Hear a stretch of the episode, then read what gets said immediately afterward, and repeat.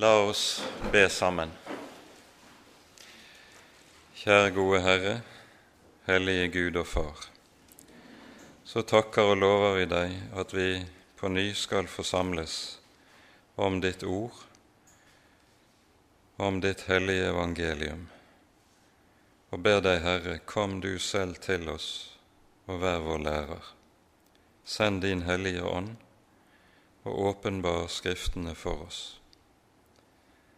Takk, Hellige Herre, for påsken som ligger bak, budskapet om din død, din oppstandelse, til liv og frelse for oss. Herre, la det liv som du har vunnet, få lov til å stadig på ny tilflyte oss gjennom dine ord. Det ber vi, Herre, for ditt eget navns skyld. Amen.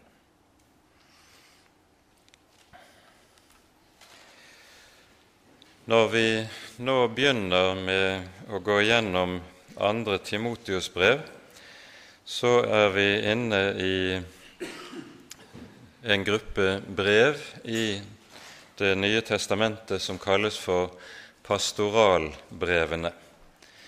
Ordet pastor det betyr jo rett og slett hyrde, og det er altså brev som er skrevet av apostelen Paulus til to menighetshyrder. Det er to brev rettet til Timotius og ett brev rettet til Titus, og disse tre brevene kalles altså pastoralbrever. Og de er hyrdebrever også i den forstand at de i meget stor grad dreier seg om hvordan en rett hyrde skal forvalte sin tjeneste i Herrens menighet, og det handler om på ulike områder om menighetens ordninger også. Vi kan godt si det slik at det som er hensikten med pastoralbrevene, det er det som eh, Paulus skriver allerede i første Timotius brev i det tredje kapittel. Der skriver han slik i det 14. og 15. verset. Dette skriver jeg til deg, enda jeg håper at jeg snart skal komme til deg. Men ifall jeg dryger, vil jeg du skal vite hvordan en bør ferdes i Guds hus, som er den levende Guds menighet, sannhetens støtte og grunnvoll. Dette er altså at Paulus gir veiledning om hvordan en skal ferdes i Guds hus. Det er det som så å si er hele hensikten med og hovedinnholdet i disse brevene. Brevene gjenspeiler på mange måter eh, menighetslivets eh, ordninger og skikkelse slik vi finner det i den første kristne tid. Vi hører at det tales en god del om eh, prestetjenesten, eh, presbyterne, og det som viser hvor tidlige disse brevene er, er at eh, presbytertjenesten og tilsynsmannstjenesten, det å være episkopos, biskop, det skjelnes ikke mellom disse to. Det er tydelig at når Paulus eh, taler om disse, så er det én og samme tjeneste.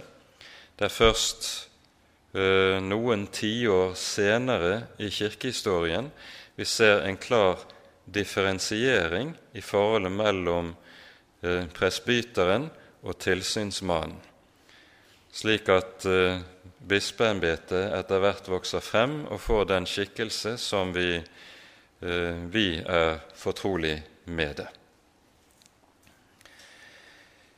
Andre Timotius brev er det siste av Paulus' brever. Og det har ofte vært kalt for både hans åndelige testamente, som han skriver til sin nære venn og medarbeider Timotius, og det har også vært kalt for Paulus' svanesang.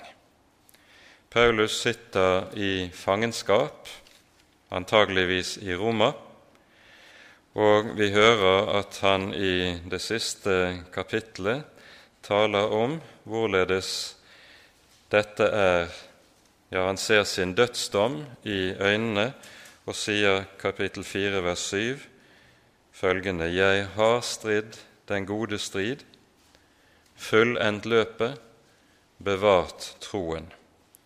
Så ligger nå rettferdighetens krans rede for meg, den som Herren, den rettferdige dommer, skal gi meg på den dag, ja, ikke bare meg, men alle som har elsket Hans komme. Brevet er, da forstår vi, med rette kalt for Paulus' svanesang.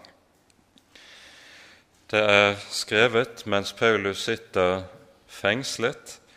Det hører vi sies allerede i kapittel 1, i det åttende verset der han sier følgende.: Skam deg ikke ved Vår Herres vitnesbyrd eller ved meg, Hans fange. Så dette brevet hører med blant de brevene som Paulus altså har skrevet fra fangenskap. Vi kjenner jo flere slike. Både Filippabrevet og Kolossabrevet ble også skrevet mens Paulus satt fengslet. Likevel så skiller 2. Timotius brev seg fra både Filippabrevet og Kolossabrevet på den måten at i de to sistnevnte brev så er det tydelig at Paulus både ser frem imot og venter sin egen frikjennelse og løslatelse, mens her i 2. Timotius brev forventer han det slett ikke. Og vi hører i kapittel 2 her, i det niende verset, så sies det følgende.: For dette evangelium er det jeg lider ondt, like til det å være lenket som en forbryter. Og Da må en spørre seg hva er det for fangenskap det dermed siktes til? For når det gjelder Paulus' første fangenskap, som vi hører omtalt i apostelgjerningenes siste kapitler, så ser vi at Paulus hadde det meget fritt. Han kunne i Roma bo i et leiet husvære, og eh, folk kunne fritt komme til ham og gå. Og eh, han hadde ikke noe strengt regime i dette fangenskapet mens forholdet altså er ganske annerledes slik vi forstår det her i 2. Timotius brev. Dette er hovedårsaken til at eh, man helt fra oldkirken av har regnet 2. Timotius brev som det brev som er skrevet under Paulus' annet fengselsopphold. Det var jo slik at Paulus ble fanget etter sin tredje misjonsreise, da han reiste opp til Jerusalem med gaven til de hellige. Vi hører om at menighetene i Makedonia og Grekenland hadde samlet inn en gave til de fattige i menigheten i Jerusalem. Og Sammen med sine ledsagere reiser Paulus så opp til Jerusalem med denne gaven vi hører han skynder på for å rekke å komme opp før pinsehøytiden. Og Så hører vi i det 21. kapittel i apostelgjerningene at det blir et opprør i tempelet, og eh, det ser ut til at Paulus holder på å bli lynsjet. Han blir med nød og neppe reddet av den romerske garnisonen, som holder til i Antoniaborgen opp til tempelområdet. Og Det blir da innledningen på Paulus' første fangenskap, hans første opphold i lenker. Vi hører etter en kort tid at Paulus transporteres ned til Cesarea ved havet, den store havnebyen som Herodes har bygget. Og Der blir han sittende fengslet i hele to år, før han så transporteres videre til Roma. Vi hører om den dramatiske sjøreisen i apostelgjerningene med skipbruddet og den mirakuløse redningen både for Paulus selv og hele mannskapet på skipet. Og deretter hvorledes han så transporteres videre til Roma og blir sittende to år i fangenskap der. Og med det slutter jo apostlenes gjerninger. Vi får ikke i Det nye testamentet selv høre hvordan det går med Paulus eh, i fortsettelsen. Men vi vet ut fra det som ellers står i Det nye testamentet, altså at Filippabrevet og Kolosserbrevet her skrives fra dette fangeoppholdet i Roma. Men fra kirkefedrene får vi høre at Paulus også løslates fra dette sitt første fengselsopphold, noe som skjer antagelig i år 62, muligens år 63.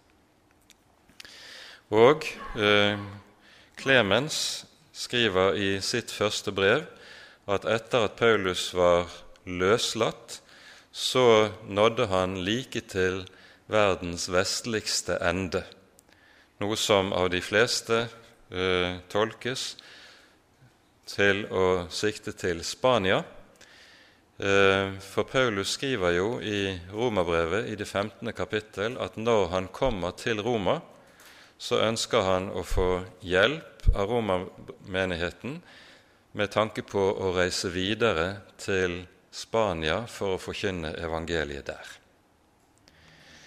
Det som vi da vet ut fra, eller kan anta fra antydninger hos kirkefedrene, er at Paulus løslates får anledning til å reise til Spania, forkynner evangeliet der, og så reiser en runde for å besøke sine gamle menigheter i, som han har grunnlagt tidligere, først til Kreta.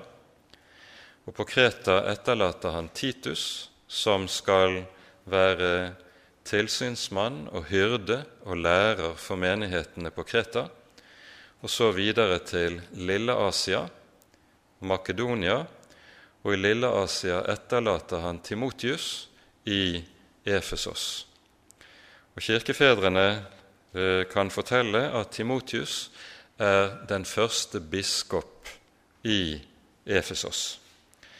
Når Paulus skriver til Timotius, så oppholder Timotius seg nettopp i Efesos. Første Timotius brev er antagelig skrevet fra Makedonia, en tid etter at eh, Paulus forlot Timotius i Efesos, mens 2. Timotius brev antagelig da er skrevet fra Roma, mens Paulus oppholder seg for annen gang i fangenskap, nå under strengt regime i fengsel. Kirkefedrene forteller, eller det er kirkehistorikeren Eusebios, at Paulus ble fengslet under keiser Nero. Nero lot jo brenne Roma i år 64. Og eh, årsaken til at Nero brente ned store deler av bysentrum, det var at han ønsket å Eh, renovere byen totalt og anlegge en ny og mer storslagen by. Og så legger han skylden for bybrannen på de kristne. Og Dette blir foranledningen til den første egentlige kristenforfølgelse i Romerriket. Den eh, er det altså keiser Nero som står for, men eh, denne forfølgelsesperioden er begrenset til byen Roma og distriktene omkring. Den, ikke, den omfatter ikke hele det store Romerriket. Det kommer først senere. I denne perioden under keiser Nero så fengsles også apostelen Peter, og kirkefedrene vet å fortelle at de begge lider martyrdøden i år 67 i Roma. Fordi Paulus er romersk borger, så får han den rett å ikke bli henrettet på et kors, sånn som slaver og mindreverdige mennesker måtte lide døden. Han får retten til å bli henrettet ved halshogging, som var en mer, betraktet som en mer ærefull død. Mens Peter, han altså korsfestes, og etter eget eh, ønske korsfestes han opp ned, fordi han ikke anså seg selv som verdig til å lide døden på samme måte som sin Herre og sin Frelser. Antagelig er det da slik at 2. Timotius brev er skrevet fra dette annet fangenskapsopphold som Paulus sitter i. Og når keiser Nero har startet sine forfølgelser, så skjønner vi at da er det ingen pardong da er det strengt regime i fangenskap, noe som Paulus altså med få ord eh, gir oss inntrykk av i det vi har lest. Og Med dette så har vi pekt på litt av det som er brevets avfattelse og historiske plassering i Det nye testamentet. I nyere tid så har en betvilt at 2. Timotius brev virkelig var skrevet av apostelen Paulus. Dette henger sammen med flere ting. Annet er det en del detaljer i kronologien som det er meget vanskelig å gjøre rede for. En mener, har også ment at tonen i disse brevene, pastoralbrevene, og tematikken i pastoralbrevene er så annerledes enn det det er i, det øvrige, enn i de øvrige Paulusbrevene, at dette neppe kan være tilfellet. Men her er det altså helt eh, et helt samstemmig kirkelig vitnesbyrd fra Oldkirken som forteller oss at det er apostelen Paulus som er brevets forfatter. Og jeg tror ikke det er noen eh, grunner som er sterke nok til å eh, dra dette alvorlig i tvil.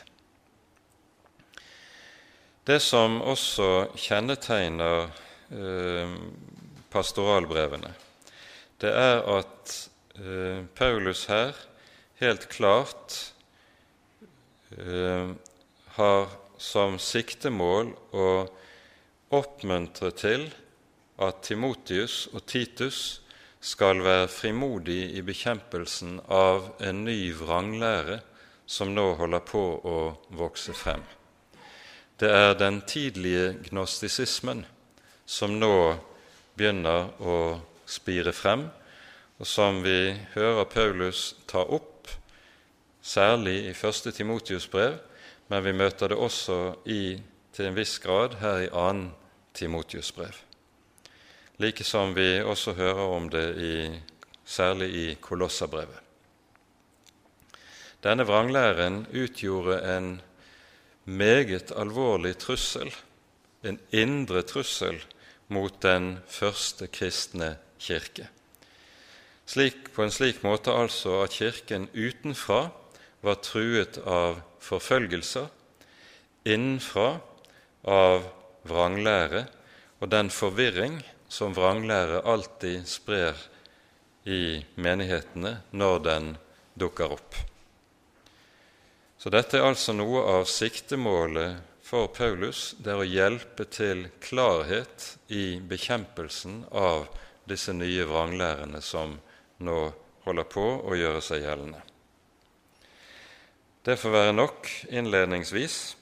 Vi tar oss nå tid til å lese de elleve første versene i kapittel 1. Paulus, ved Guds vilje Kristi Jesu apostel, til å forkynne løftet om livet i Kristus Jesus. Til Timotius, min kjære sønn. Nåde, miskunn og fred fra Gud, vår Far, og Kristus Jesus, vår Herre. Jeg takker Gud, som jeg fra mine forfedre av tjener med en ren samvittighet, når jeg stadig minnes deg i bønnene mine, natt og dag. Når jeg minnes tårene dine, lengter jeg etter å se deg igjen, så jeg kan bli fylt med glede. For jeg er blitt minnet om din oppriktige tro, den som først bodde i din mormor Lois og i din mor Evnike, og som jeg er viss på også bor i deg.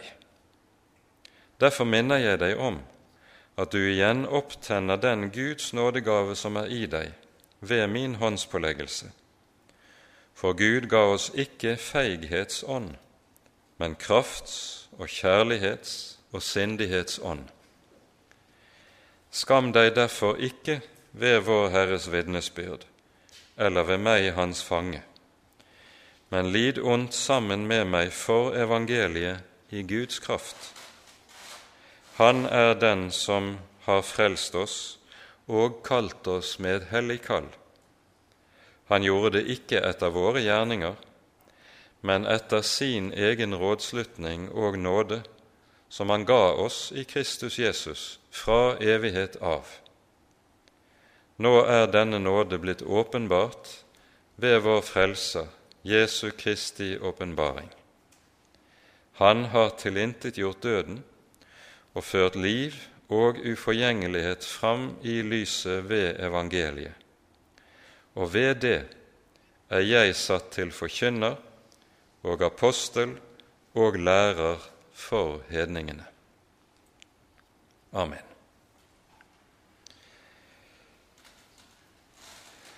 Første verset og siste verset som vi nå har lest, det taler om Paulus' egen tjeneste som han er kalt til og satt inn i. Det er mange eh, fortolkere som har undret seg over innledningen nettopp til 2. Timotius brev. Dette brev er jo et meget personlig brev, skrevet til en som er Paulus' meget, meget nære venn, og som Paulus også har meget kjær, forstår vi ut fra både tonen i brevet og andre ting vi hører. Likevel så har brevet denne innledning som understreker hvem Paulus er, og i hvilken egenskap det er han skriver. Paulus, ved Guds vilje, Kristi Jesu apostel, til å forkynne løftet om livet i Kristus Jesus.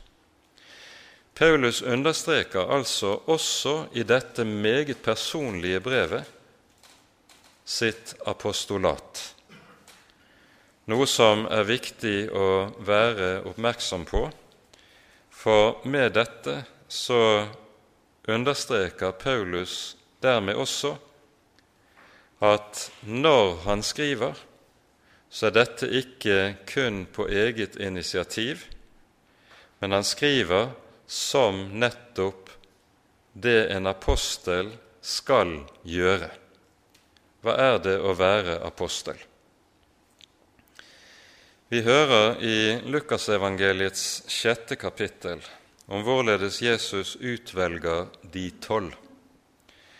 Det sies fra vers 12 og 13 i Lukas 6 slik.: I disse dager skjedde det at han gikk opp i fjellet for å be, og han ble der hele natten i bønn til Gud.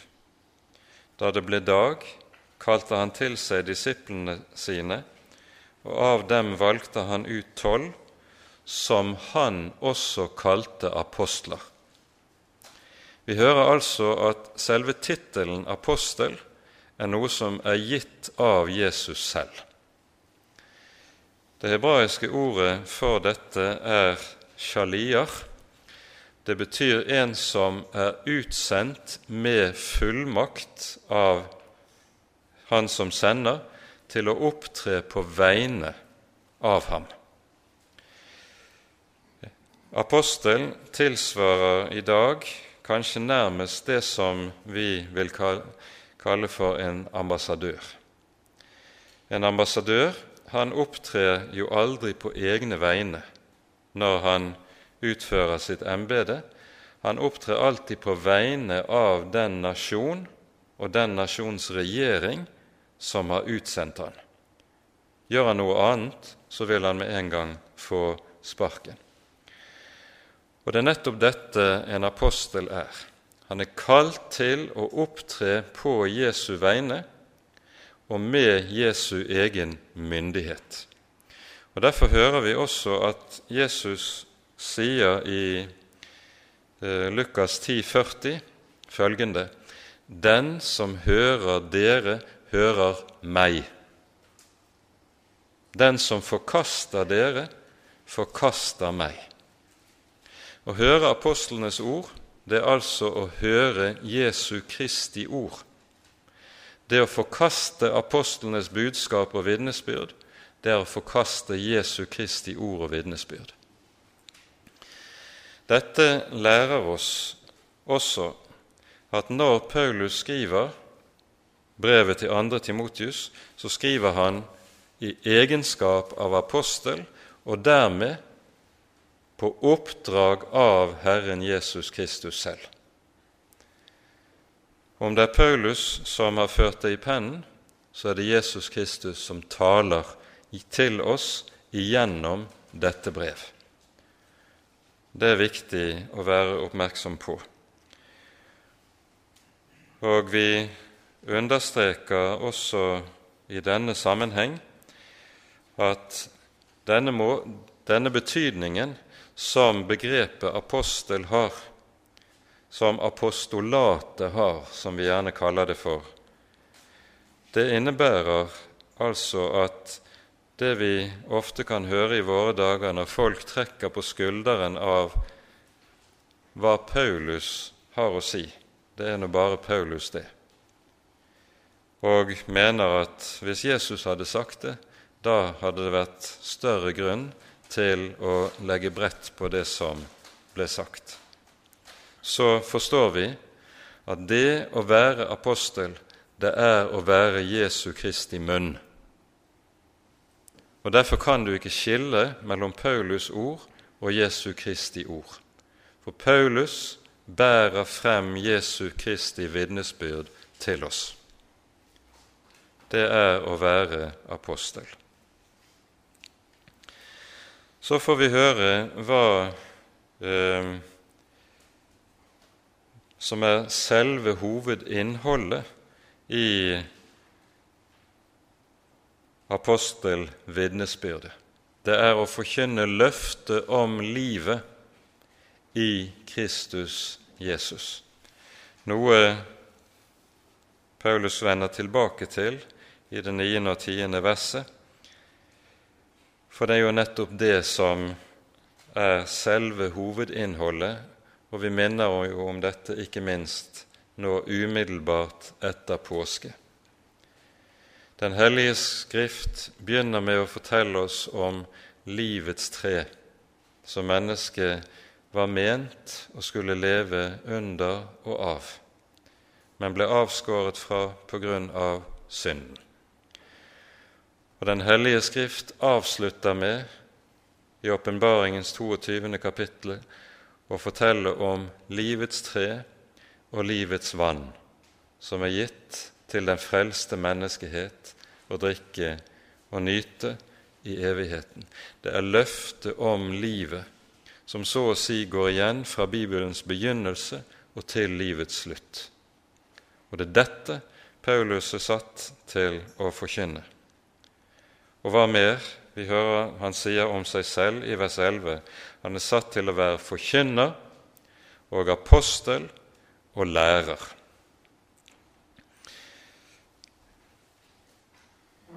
Det kan være nyttig å være klar over betydningen av de tre begrepene som Paulus her anvender om seg selv og om sin tjeneste. Ordet som er oversatt med 'forkynner' eh, hos oss, det er det greske ordet 'kerix', som bokstavelig betyr herold. Før vi fikk massemedienes tid, så var konger og lovgivere avhengig av å ha herolder som kunngjorde for folket hva som var kongens vilje, og hva som var kongens lov. Herolden han ble sendt ut fra fyrsten, fra kongen, til å kunngjøre for folket hva som var vedtatt i kongens råd. Herolden skulle aldri tale noe som var hans egne meninger og private oppfatninger. Han var kun satt til å fortelle og bære frem hva kongen hadde vedtatt og bestemt i sitt råd. Det er det å være herold. Og Det lærer oss også meget tydelig hva det er å være evangeliets forkynner gjennom alle tider.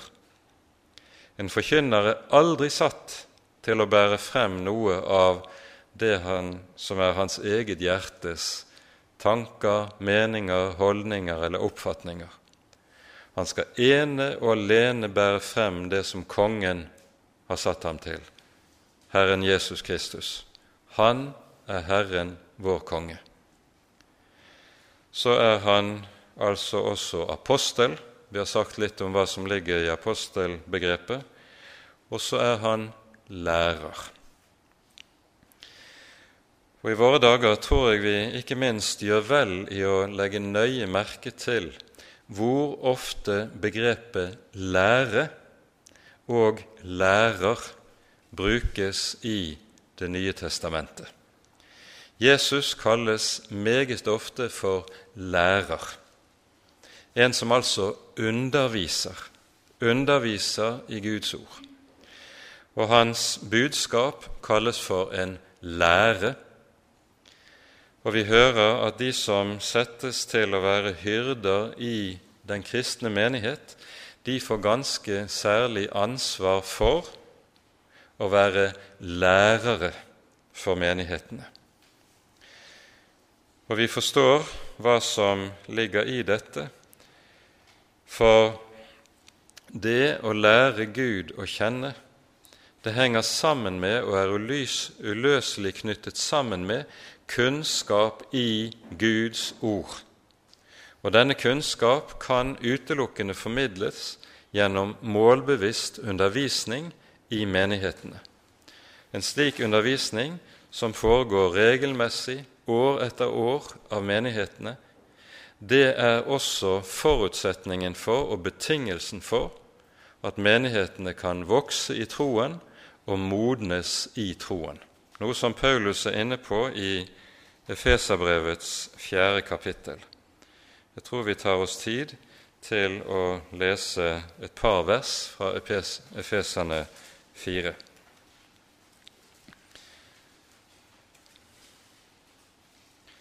Her tales det om Kristi himmelfart, om hvorledes Jesus etterlater bestemte tjenester i menighetene.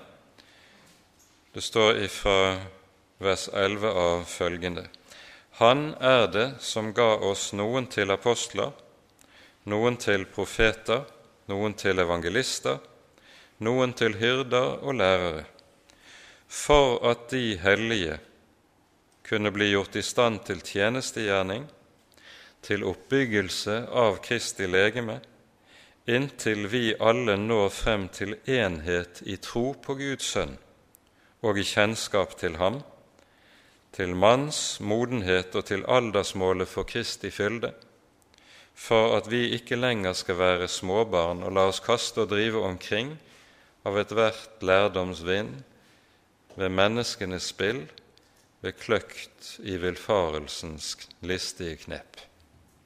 Legg merke til det som her sies.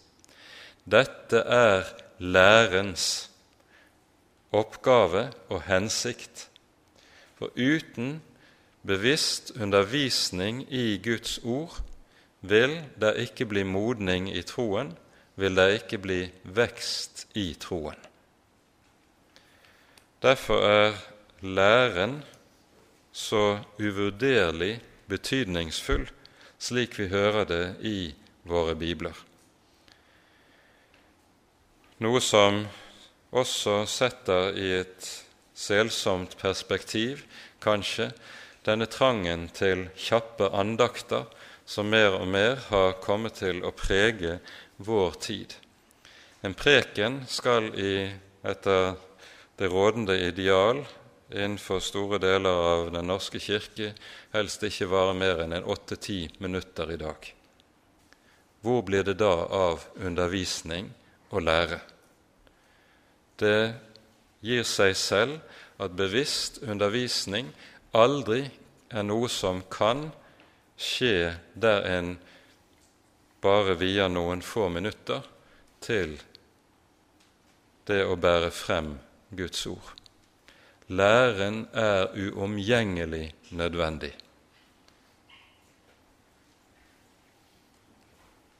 Nå fortsetter Paulus i det andre verset, og vi møter adressaten.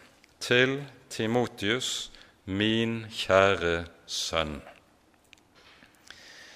Enhver leser av Bibelen vil ha støtt på Timotius' navn relativt hyppig. Både var han Paulus' følgesvenn, og vi hører også Paulus omtale ham ved flere anledninger i andre av sine brev. Første gang vi møter Timotius i Det nye testamentet, er i apostelgjerningenes 16. kapittel, når Paulus er ved oppstarten på sin annen misjonsreise. Her hører vi eh, de tre første versene følgende. Paulus kom da til Derbe og Lystra, og se, der var det en disippel som het Timotius, sønn av en jødisk kvinne som var troende, og en gresk far. Han hadde godt vitnesbyrd av brødrene i Lystra og Ikonium. Ham ville Paulus ha med seg på reisen. Han omskar ham av hensyn til de jøder som bodde i de traktene, fordi alle visste at hans far var greker. Timotius kalles altså her, ved inngangen til Paulus' annen misjonsreise, en disippel. Vi hører i det 14. kapittel i apostelgjerningene at Paulus allerede har tidligere på sin første misjonsreise besøkte disse traktene ved Lystra og Derbe.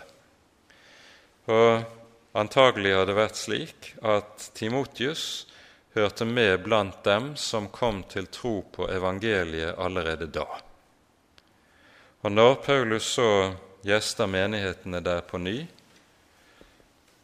så møter han også Timotius og ser at her er det en som har vokst og modnet i troen på en slik måte at han kan være en god følgesvenn og medhjelper i tjenesten med evangeliet når Paulus skal reise videre.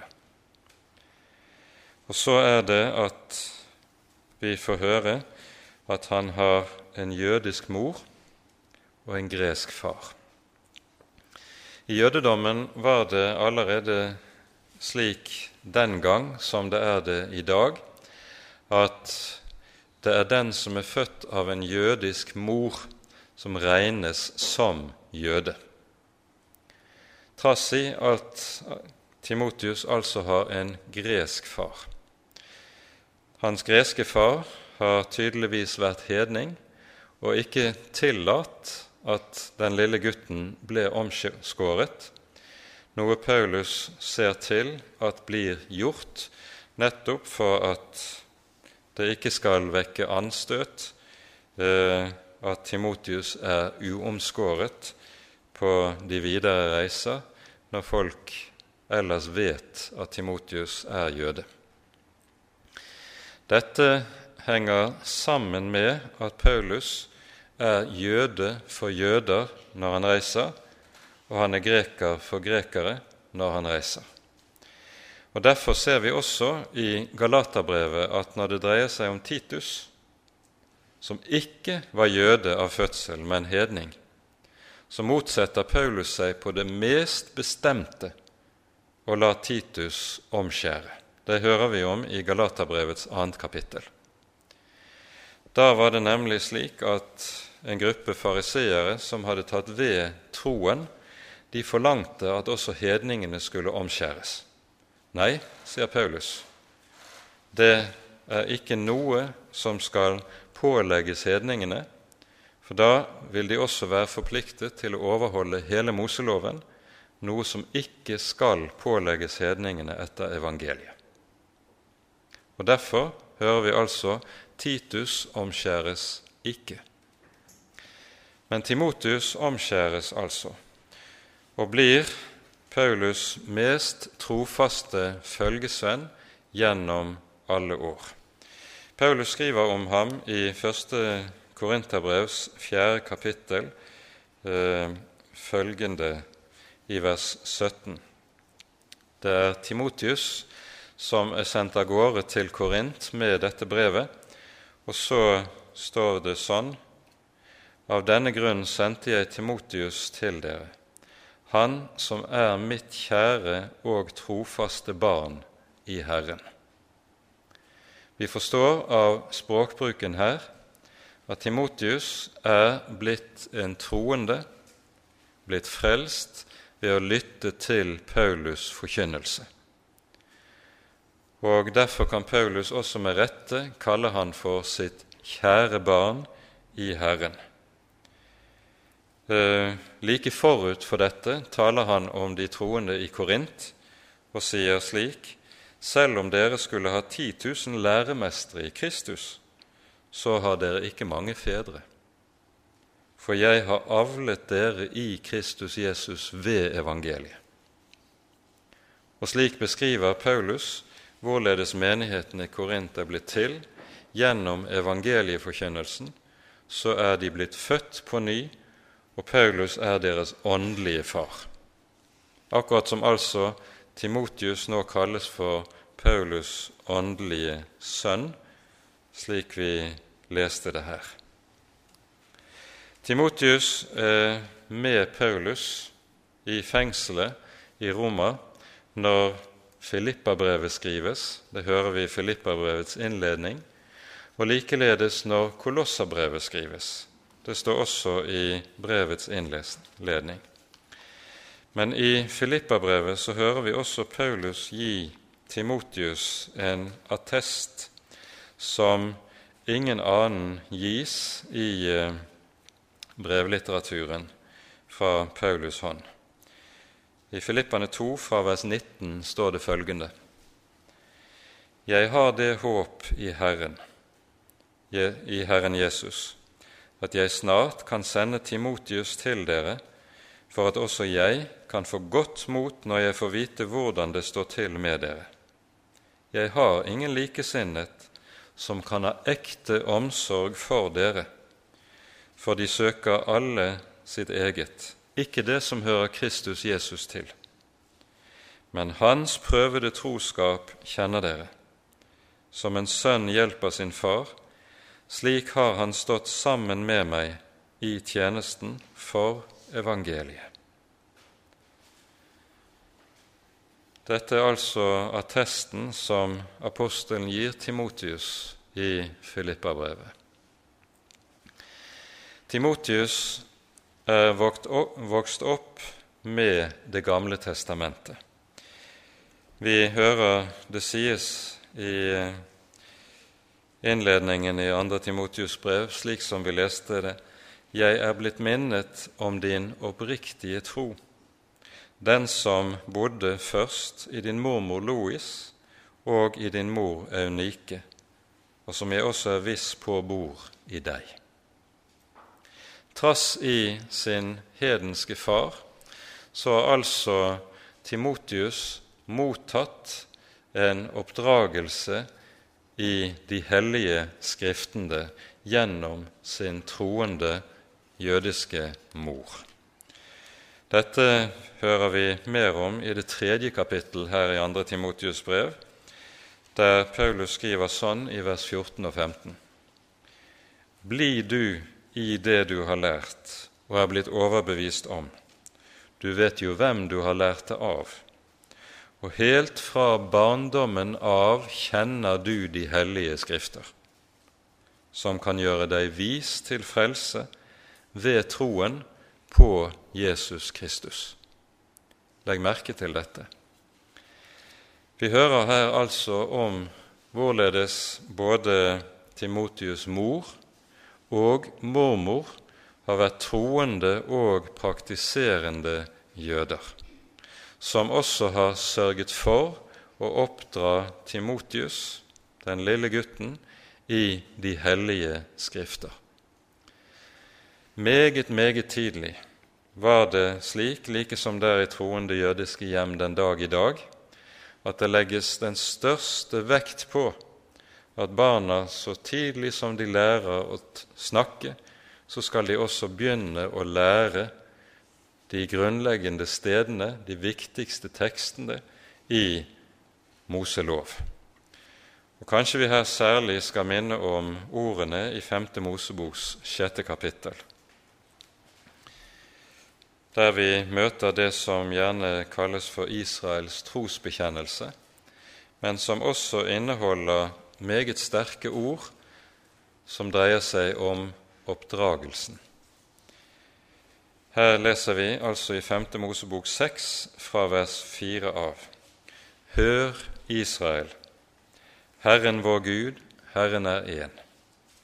Og du skal elske Herren din Gud av hele ditt hjerte og av hele din sjel og av all din makt. Disse ord som jeg byr deg i dag, skal du gjemme i ditt hjerte. Og du skal innprente dem i dine barn. Du skal tale om dem når du sitter i ditt hus, når du går på veien, når du legger deg, og når du står opp. Du skal binde dem som et tegn på din hånd. De skal være som en minneseddel på din panne og du skal skrive dem på dørstolpene i ditt hus og på dine porter. Her er det tale om hvorledes dette helt sentrale ord, denne helt sentrale tekst i Det gamle testamentet, skal omgi, så å si å omkranse hele hverdagen. Du skal innprente den i dine barn, sies det. Det betyr at barna skal lære dem utenat. For det er det ordet eh, betyr bokstavelig. Du skal tale om dem når du sitter i ditt hus, og når du legger deg, og når du står opp. Her er det tale om morgenandakt og aftenandakt. Det taler om hvorledes man rundt bordet også skal tale om det hellige ordet. Noe som vi vet også praktiseres i fromme jødiske hjem. Etter hvert som en troende jøde vokste opp, så ville større og større deler av Den hellige skrift bli lært inn og bli lagt inn i minnet til barna. Og Det som da er viktig for oss å være klar over, det er jo noe som vi meget lett overser nemlig at i antikken så var det de aller færreste som hadde tilgang til og mulighet til å eie et eksemplar av Den hellige skrift, som man da kunne lese hjemme. Det var kun de som var aller rikest, som hadde en slik mulighet. Ellers var eh, kopier av Den hellige skrift å finne i synagogene. De vanlige troende de var henvist til å høre ordet lest i synagogen, og eventuelt også studere Guds ord i synagogen, og så lære det utenat. For det å kopiere Den hellige skrift, det skjedde jo for hånd, hvilket innebar at å eie en skriftrull med Mosebøkene, da måtte en ha meget god råd for å kunne være i besittelse av det. Vel, derfor var denne innlæring, det å legge Guds ord i barnas minne, noe som var helt avgjørende i den jødiske, fromme jødiske barneoppdragelse. Og uh, i enkelte deler av kristenheten ser vi hvordan dette også legges det største vind på i dag. I Egypt, der vi har den koptiske kirke, er det slik at også barna til koptiske kristne er tvunget til ved lov å gå i muslimske skoler når de kommer i skolealder. Derfor er det også slik at de som er bevisste kristne innen den koptiske kirke, de vet at de må lære barna så mye kristendom før de begynner i den muslimske skole, at de så å si er impregnert mot islam før de kommer i disse skolene. Ellers vil de miste barna til islam.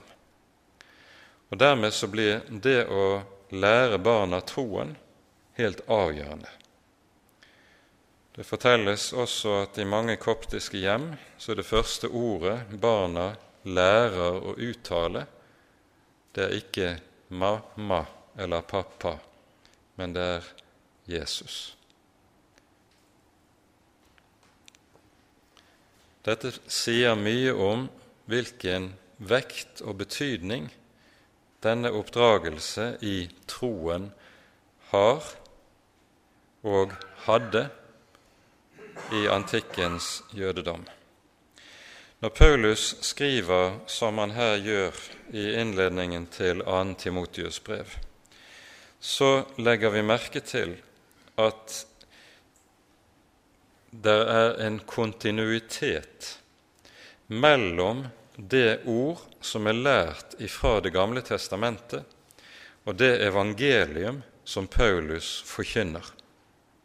Vi hører Paulus sier i det tredje verset her i, i Timotius-brevet Jeg takker Gud som jeg fra mine forfedre av tjener med en ren samvittighet.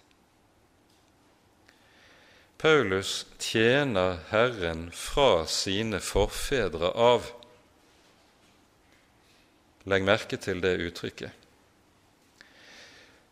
I dette ligger det at Paulus er seg bevisst at det evangelium som han er satt til å forkynne, det er ikke et budskap som er noe nytt i forhold til det som er gitt i Det gamle testamentet.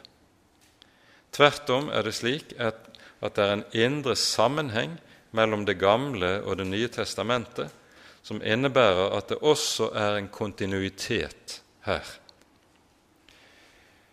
Dette er noe som Paulus setter meget klart og tydelig ord på i andre sammenhenger i Det nye testamentet, kanskje aller klarest i apostelgjerningene 24, 14.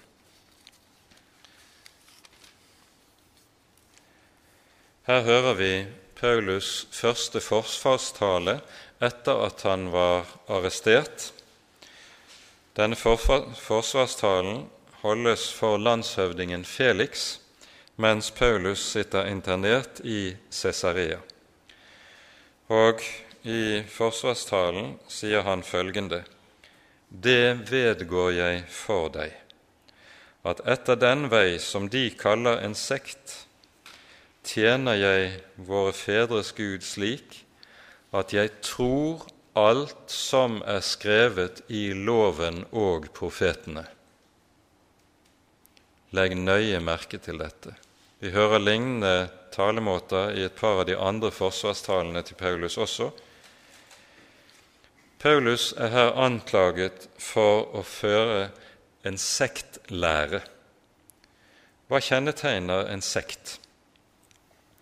Det er en bevegelse som fører en lære som kommer med noe nytt i forhold til det som er gitt og skrevet i de hellige skrifter.